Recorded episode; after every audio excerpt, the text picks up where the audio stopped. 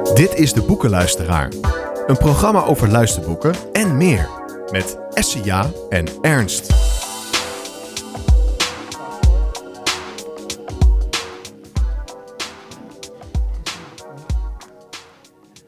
Goeie gekozen vrijdag, lieve luidjes. In het uurtje van 1 tot 2 bij de boekenluisteraar nog meer luistergeluidjes. Ernst en ik laten van ons horen, dus luister lekker mee. Door DJ Ernst de goede platen en ik luister gewoon voor twee. Hallo Ernst. Hoi Essia. Hoi, hoe is het met jou? Prima. Ja. Hoe was jouw week? Mijn week is, eh, is rustig verlopen, zoals voor de meeste mensen. Maar ik heb me eh, goed bezig gehouden. Goed bezig gehouden. Met, met de radio neem ik aan en met je nummers. Radio, tv, internet. Dus eh kom feitelijk tijd tekort. Zoals iedereen van ons. We komen tijd tekort. Zullen we een nummer eerst horen? Ja. Het nummer is... Knolrapen, lof, schorseneren en prei, waar je horen. Knol, Corseneren en Prei van. Dr. Anders P. willen wij gezamenlijk zingen dat heerlijke lied. Knolraap en lof, schorsen heren en prei op bladzijde 85 van onze bundel.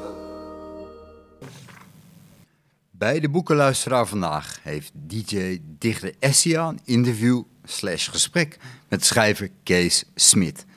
Van hem zijn vier heel verschillende boeken verschenen. En wij willen weten hoe, zit, hoe dat zit. Hallo Kees Smit. Wat, Hallo, Esja. hoi. Wat fijn dat ik uiteindelijk met jou dit gesprek mag hebben, Kees. Nou, ik doe het graag. Ja, wel fijn. Wij hebben elkaar eh, niet persoonlijk ontmoet. Maar toch ken ik jou al jaren een klein beetje van horen zeggen. Maar wel uit de eerste hand. Kijk eens aan. Want, of eerder, niet uit de eerste hand, maar uit de eerste hond. Want mijn goede vriendin Fransje van Veen kwam via de hondenuitlaten met jou in contact aan de praat en kocht voor mij mijn eerste luisterboek Harteloos. Op cd's. Ik heb hem van jou nog niet gesigneerd, maar dat komt hopelijk wel een keertje. Kan altijd. Ja, dus zo werd ik fan van jouw eh, boeken. En als fan mag ik nu met de schrijver het gesprek doen. Hartstikke fijn. Nou, dat is wederzijds. Nou, dank je. Eh, dus nu aan jou het woord, Kees, want wij willen weten hoe het zit. Wat zijn de antwoorden bij de boekenluisteraar van de auteur Kees Smit? Wie ben je? Wat doe je? Waar werk je? Hoe vind je dat? Wanneer spreek je? Hoeveel tijd duurt dat? Wat lees je? Nou, dat is wij. Wat vergeet ik? Zeg je, zeg je. Ik luister. Maar wat een stel. Ja, dit is het luisterlijstje van de boekenluisteraar. Ja, dat heb ik de vorige keer beluisterd ook eh, bij een eh, interview dat ik heb eh, gehoord van jou. dus, Je maar ik heb het, dat lijstje nooit genoteerd. Nee, maar ik ga ook maar dat niet ga het jij lijstje... natuurlijk herhalen. Nee, ik ga het lijstje zelfs helemaal niet af. Nee. Oh. Wanneer ben jij met schrijven begonnen, Kees? Na mijn pensionering. Eh, ik ben iemand die moeilijk stil kan zitten. Dus ik heb een, hele drukke werking gehad. En daarnaast ook heel veel vrijwilligerswerk. En ik wilde toch eigenlijk, ja, ik wil altijd iets voor anderen doen, zeg maar. Ja. En toen, eh, op een heel, ja, heel bijzondere manier is dat tot stand gekomen. In 2006 overleed een schoonzusje van mij in een hospice. Ach, En ehm, een paar maanden later bij haar. Ik had dus al heel, heel verhaal, maar ik zal het proberen zo kort mogelijk te doen. De laatste keer dat ik haar zag, eh, toen zei ik: Laat me horen of het goed met je gaat. En toen zei ze: Ja, zeker met het mobiel. Zei: Nou, dat kan niet als je overleden bent. nee. Nog een geintje ook. Ik zei: Nee, ik laat helemaal aan jou over. Maar na het overlijden van haar zijn er heel veel vlinders in, eh, in onze tuin verschenen. Maar ook overal waar mijn vrouw Els en ik kwamen. Daar zagen wij onnoemelijk veel vlinders. Dat was niet normaal. En toen wist ik dat het eh, dat het goed zat. Tot op het moment dat wij bij haar graf kwamen, eh, een paar maanden later. Toen zei ik voor de zekerheid tegen als, ik nou, als daar ook vlinders zien, dan weet ik zeker dat het goed is met haar. Ik kom bij het graf, maar er waren geen vlinders. Maar ze waren nog een halve minuut voorbij tussen Els en mijn Kees. Er dansen twaalf vlinders boven het graf. Ik werd er helemaal koud van. Ja, ik krijg En op toen dit moment ik, nou, dan weet ik goed dat het goed is. En het was nog gekker. Mijn vrouw ging even water halen om de bloemetjes die we meegenomen hadden in het water te zetten. En toen zei een stemmetje tegen mij, ik kan dat niet zien, maar ik kan verdomd goed luisteren. Ja, Die zei van, toen zei een stemmetje, schrijf een boek over de hospice. Toen zei ik, dat is goed. En dan is dit de titel, krijg ik nog een zoen van je? Want dat was de allerlaatste vraag die mijn schoonzus aan mij gesteld had op het moment dat ik wegging bij haar. Ik had een afscheid genomen. Was bij de deur, riep ze me terug. Toen zei ze, Kees, krijg ik nog een zoen van je? En dat is uiteindelijk de titel geworden van een boek waarin eh, een, mevrouw terminaal is en haar jeugdliefde nog een keer wil zien. Het speelde zich af in de hospice van Utrecht. Daar ben ik geboren en getogen. Dus die omgeving kon ik goed gebruiken in de tijd dat ik heb kunnen zien. En eh, nou, uiteindelijk is, is dat boek elf keer herdrukt. En heb ik 40.000 euro kunnen schenken aan 80 hospices. Plus eh, de Centrale Organisatie voor Vrijwilligers Palliatieve Terminale Zorg in Nieuw Amersfoort. nou, Zo is het begonnen. En daarna heb ik een korte biografie geschreven voor een mevrouw die ik ontmoette in het Loherf in Apeldoorn. Dat was een korte biografie over haar oorlogsverleden. En toen dacht ik, nou, ik moet ook weer anders kunnen nog. Eh, toen ben ik een, een toneel gaan schrijven. Nou, die heb jij beluisterd, harteloos. ja, weet je dat bij Harteloos Kees ik het gevoel had dat ik in een hoorspel zat. Hij is zo goed eh, geschreven door je dat ik het gewoon kon voelen zelfs. En Nou, dat, is ook mijn, eh, ja, mijn, mijn sterke kant van het schrijven. Dat ik heel dicht bij de mensen schrijf. ja, En dat vind, je, dat vind je ook heel erg terug in het eerste boek.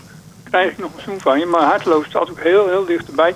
Je hebt gewoon het gevoel dat je gewoon meeloopt. Juist, juist. En, en dat is een boek beluisteren. Gewoon dat je het gevoel hebt dat je meespeelt in het verhaal.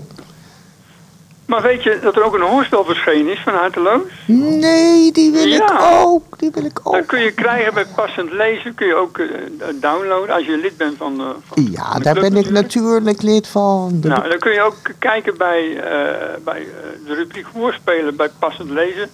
En dan vind je terug het boek eh, Harteloos. Oh. Het, eh, ja, het hoorspel Harteloos, sorry. Ja, nou, ik, ik ga hem zeker vragen. Ja, helemaal leuk. Kijken of het hetzelfde voelt als dat ik het boek beluister. Aldrie Ja. van de Jacht heeft het script geschreven. Wie? Aldrie van de Jacht dat was vroeger een hele bekende presentatrice van de Avro-radio. Ja. En die, kon al, ja, die draaide vaak een hele rustige muziek op in de, in de avond en in de nacht. Mooi. Heel, eh, heel bekend iemand, Aldrie van de Jacht. Ja, nou, ik... Ja, die is nu ook al eh, ja, zo rond de 80. Maar Ja, die hebben eh, dat script geschreven. En, nou, hartstikke Ja. fijn.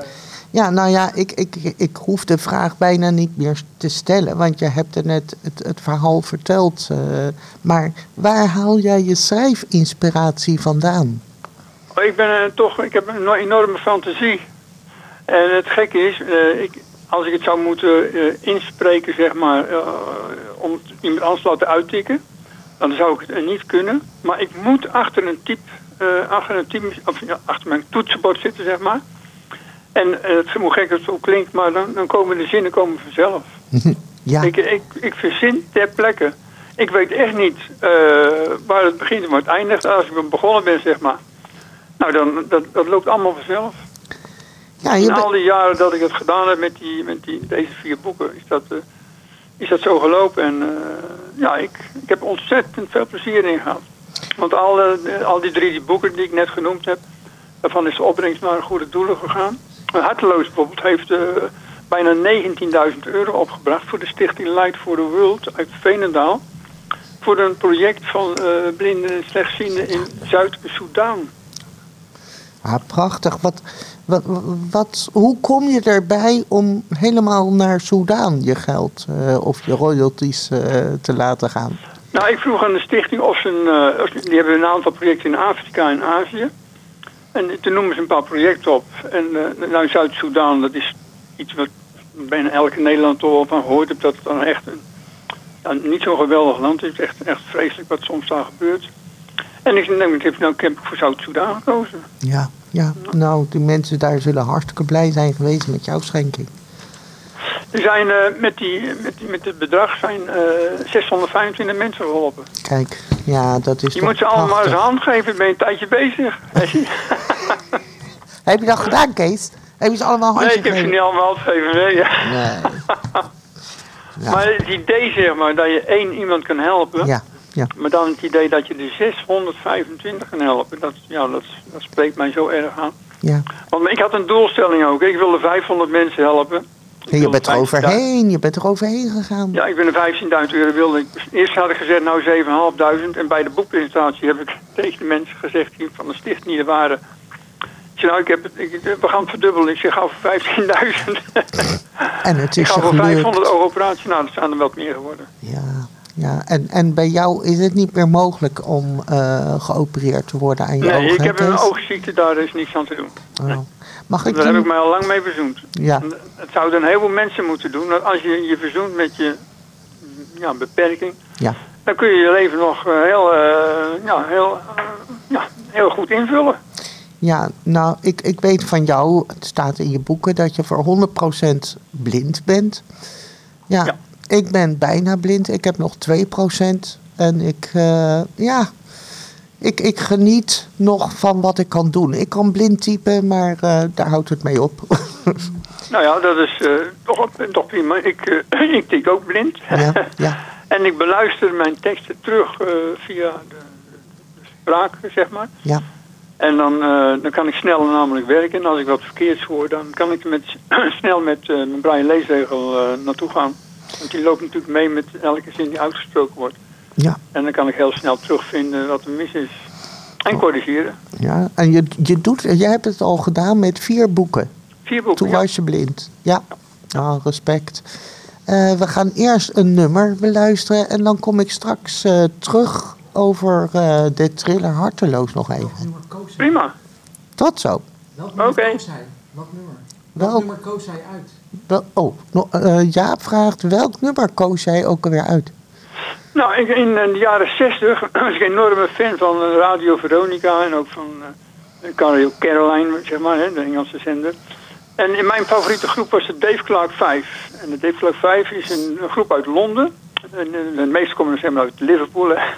Maar uit Londen. En die, eh, die groep is na de Beatles de meest bekende Engelse groep in Amerika geweest. Oh, Er is zelfs een moment geweest dat ze met vijf nummers in de top 20 van de, van de Billboard Top eh, 100 stonden. En ja, ik ben er helemaal weg van en ik zou graag horen Because. Omdat. nou, omdat. Because, hier komt die Kees voor jou. Because. Hallo Kees. Hallo, Esja. Oh, we hebben weer contact. Yes. Ja, nou, ik wilde een klein stukje verder over Harteloos. Maar daar heb je al verteld dat er een, eh, een hoorspel van is gemaakt. Maar ehm, jouw schrijven, is dat te combineren met jouw eh, beperking? Het laatste heb ik niet verstaan. Is dat te combineren met? met, met jouw beperking?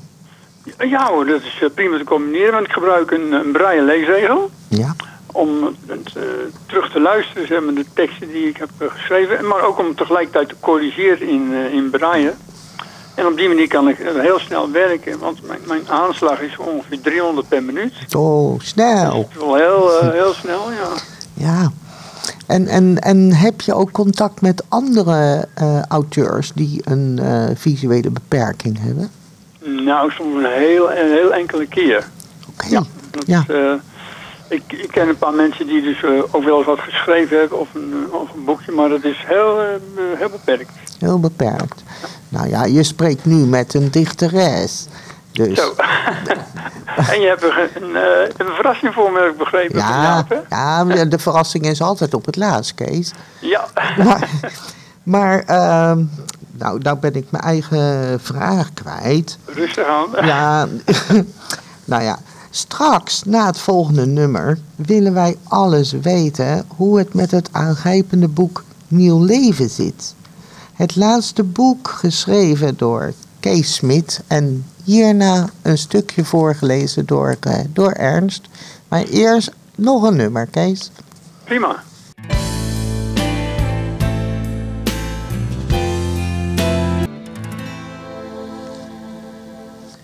Het leven van de Vietnamese Binh Thai Nguyen is opmerkelijk. De voormalige nieuwslezeres, journalist en tolk schreef in samenwerking met de blinde auteur Kees Smith haar aangrijpende autobiografische roman. Na een vlucht uit Vietnam kwam zij in 1991 met haar gezin berooid in Nederland terecht. Bin werd geboren in de Chinese stad Kuning, Minh, vlakbij de Vietnamese grens, uit Vietnamese ouders. De eerste 20 jaar van haar leven speelt zich af in China van Mao. Als jonge vrouw besluit ze om in Vietnam deel te nemen aan de oorlog tegen Amerikanen. Omdat ze in de gevangenis dreigde terecht te komen, verliet ze noodgedwongen met een illegaal paspoort haar geliefde Vietnam. Dankjewel, Ker- Ernst. Kees, Ja, ja. Deze krachtige vrouw vertrouwde jou haar levensverhaal toe om het te gaan schrijven. Wat heeft je ertoe doen besluiten om samen met de vrouw Bing haar levensverhaal te gaan doen? Nou, dat staat in haar, boek om de mensen te prikkelen het boek te kopen. Maar ik heb haar ontmoet bij een cursus schrijven eigen levensverhaal. Waarvoor ik, eh, die cursus had ik in 2005 gevolgd. Die kreeg ik cadeau van een paar secretaresses van mij die ik had gehad. En bij het afscheid van mijn werk gaven ze me dat cadeau. Want ze, wilden, ze wisten dat ik graag eh, schreef. En eh, ik, toen ontmoette ik een... eh, nee, toen, eh, daar heb ik dus eh, de eerste cursus gevolgd.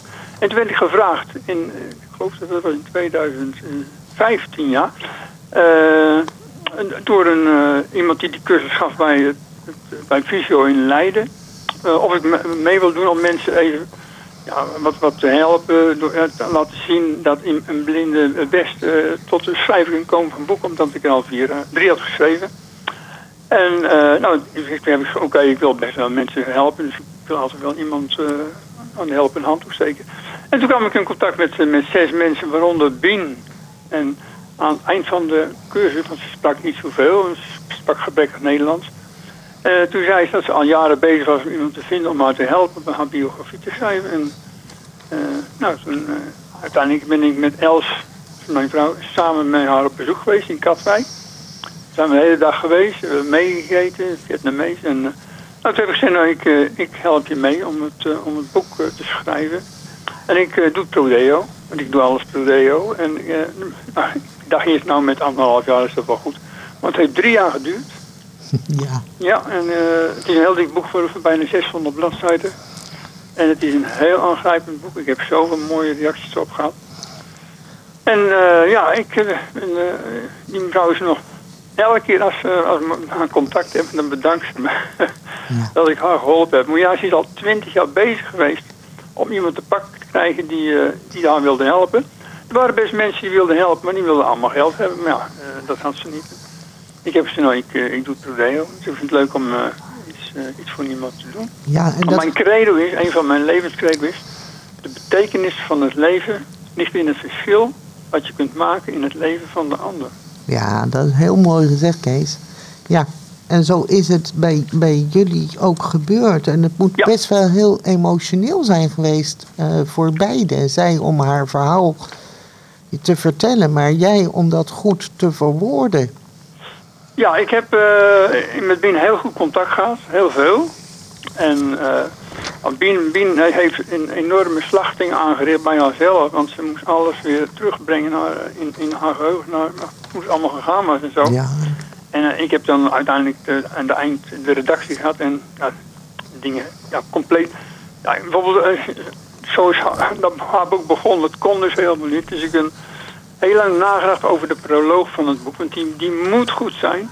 Hè? En die, die, eh, als die staat, nou, dan, dan, dan moet je dat boek niet los kunnen laten om te lezen.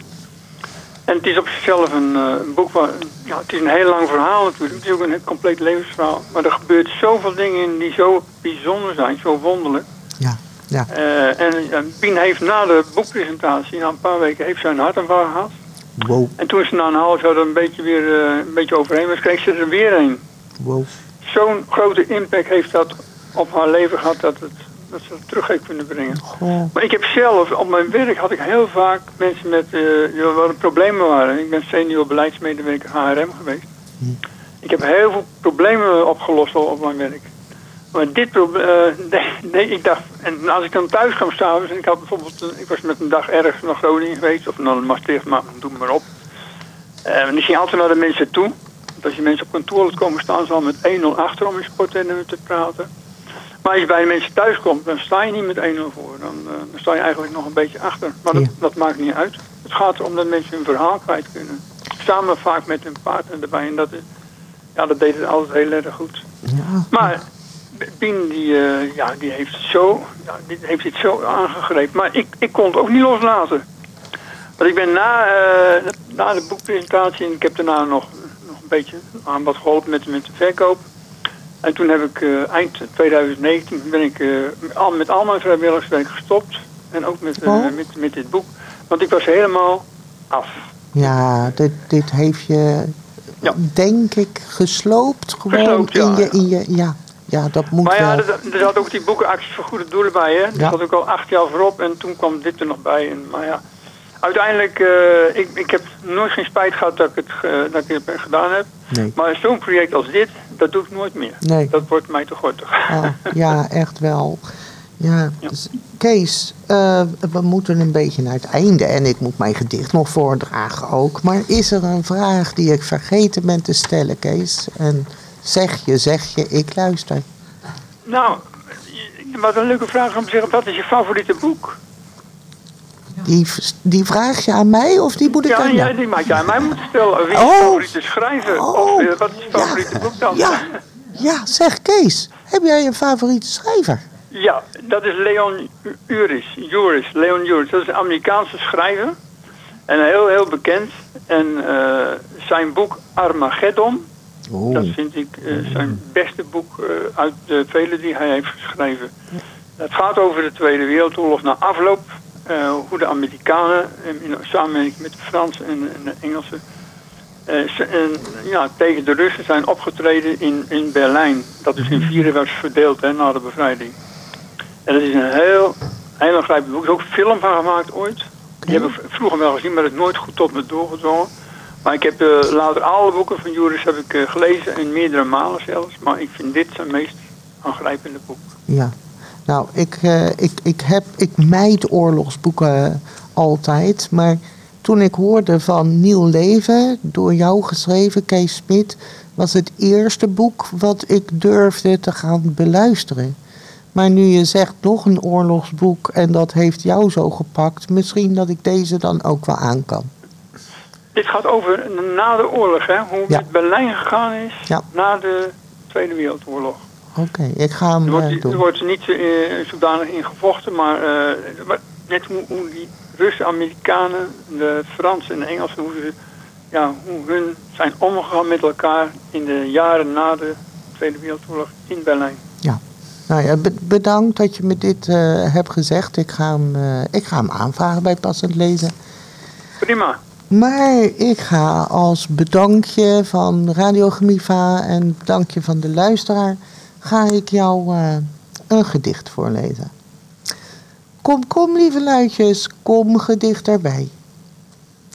Een waar gebeurd verhaal en jullie hebben elkaar voor het maken van dit aangrijpende boek gevonden. Dus waren jullie ook een hele poos door dit boek Nieuw Leven met elkaar verbonden petje af voor deze auteur Kees met C-E-E-S Smit. Een waarheid die ook in dit prachtige gedicht van Toon Hermans zit. Je hebt iemand nodig, stil en oprecht, die als het erop aankomt voor je bidt of voor je vecht. Pas als je iemand hebt die met je lacht en met je grient, dan pas kun je zeggen: Ik heb een vriend. Dankjewel, Kees, ik heb een vriend.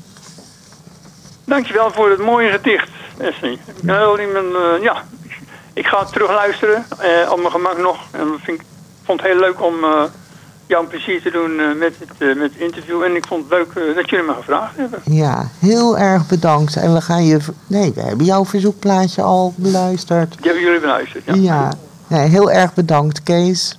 Doei doei. Veel succes met, eh, Dank je. met je radiowerk. Dank je wel. Jo, Dag. dag.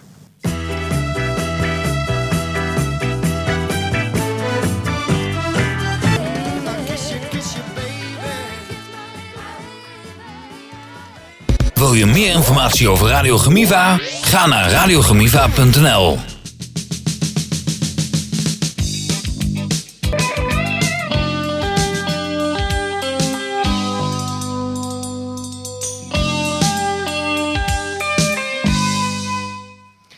Hallo, even Olaf vooruit, eh, vooraf lieve luidjes.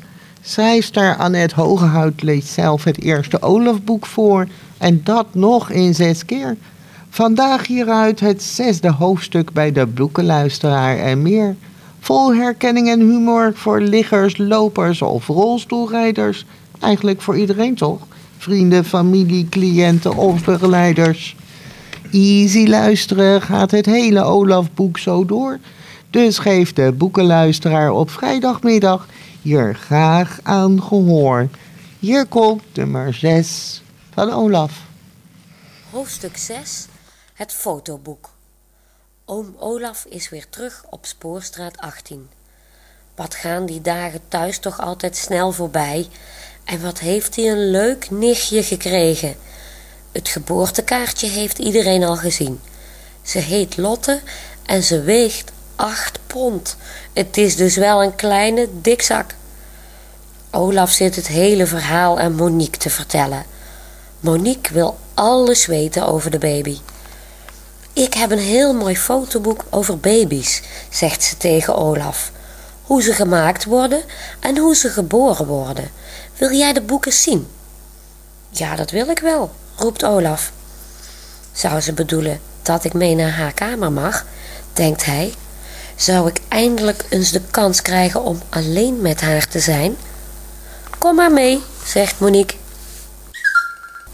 Je weet toch wel waar mijn kamer is? Ja, natuurlijk, zegt Olaf snel. Hij weet heel goed waar haar kamer is, maar hij is er nog nooit binnen geweest. Monique loopt met haar looprekje voor hem uit. Ze loopt niet zo vlug. Zal ik zeggen dat ze maar even bij mij op schoot moet komen zitten? In de rolstoel? En dat we dan veel sneller vooruitkomen? denkt Olaf. Nee, dat doet hij toch maar niet. Misschien vindt ze hem dan ineens niet leuk meer. Oh, ze zijn er al. Wat een mooie kamer heeft ze. Overal hangen foto's en tekeningen. En ze heeft ook een heel mooi houten bed. Het is groen met oranje geverfd. Ik vraag straks of Monique ook bij mij op bezoek komt. Maar dan moet ik nog wel iets weghalen op mijn kamer, denkt Olaf. Die foto's van die blote dames uit de Playboy. Die foto's van de stoeipoezen, zo noemt hij die. Die vindt Monique vast niet leuk. De foto's van de gewone poezen zal hij dan wel laten hangen. Monique houdt van echte poezen. Daar kunnen ze met z'n tweeën vaak uren over praten. Wat kun jij goed tekenen, Monique, zegt hij. Of heeft iemand anders die tekeningen gemaakt? Nee, ikzelf, zegt Monique trots. Ik heb pas nog een tentoonstelling gehad in het gemeentehuis. Toen woonde ik nog niet hier in de Spoorstraat. Jammer dat jij die niet gezien hebt. Ja, jammer, zegt Olaf. Maar zullen wij een keertje samen naar het museum gaan, Monique? Ik hou heel erg van Afrikaanse kunst. En in het museum is daar nu een tentoonstelling over. Oh, dat lijkt me heel leuk, Olaf. Dan trek ik mijn gestreepte rokje weer aan. En dan moet jij jouw mooie rode overhemd aandoen. Olaf is er even stil van. Monique vindt dus dezelfde dingen leuk als hij. Dat is heel erg fijn. En ze heeft ook gezien dat hij zo'n mooi overhemd heeft. Dat moet hij dus voortaan heel vaak aantrekken. Waar is het boek, Monique? Ik ben heel benieuwd, zegt hij gauw. Kom jij heel dicht naast me zitten met dat boek? Ik kan het anders niet zo goed zien. Mijn ogen zijn niet zo goed. Zijn jouw ogen niet goed? zegt Monique verbaasd. Daar heb ik nog nooit iets van gemerkt. Dat is een smoesje. Jij hebt niet eens een bril nodig. Oei, dat had ik misschien niet moeten zeggen, denkt Olaf. Het was inderdaad een smoesje. Is hij nou te ver gegaan? Ineens wordt hij een beetje rood. Hij is echt verliefd op Monique. Maar hij moet zich niet opdringen. Dadelijk vindt ze hem helemaal niet leuk meer.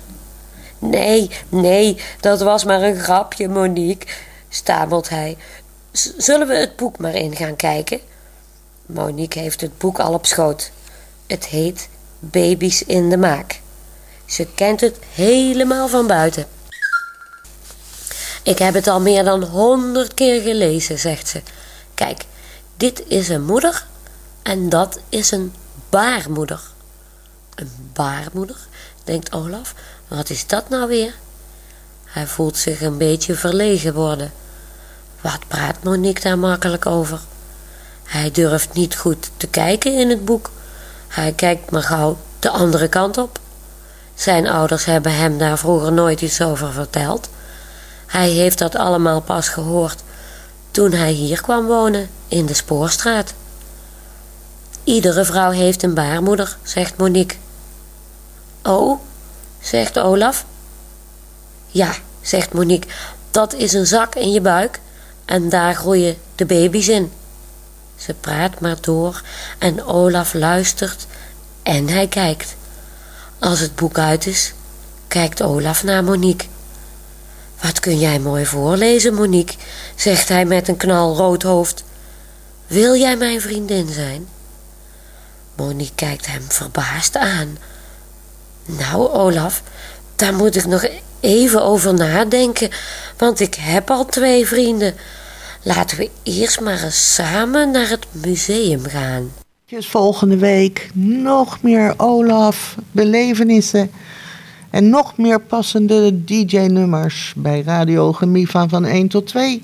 Het volgende uur is van Musical Marijke met fijne nummers en het wekelijkse shownieuws. Veel plezier straks met Marijke. Tot hoor, tot volgende week. Doei.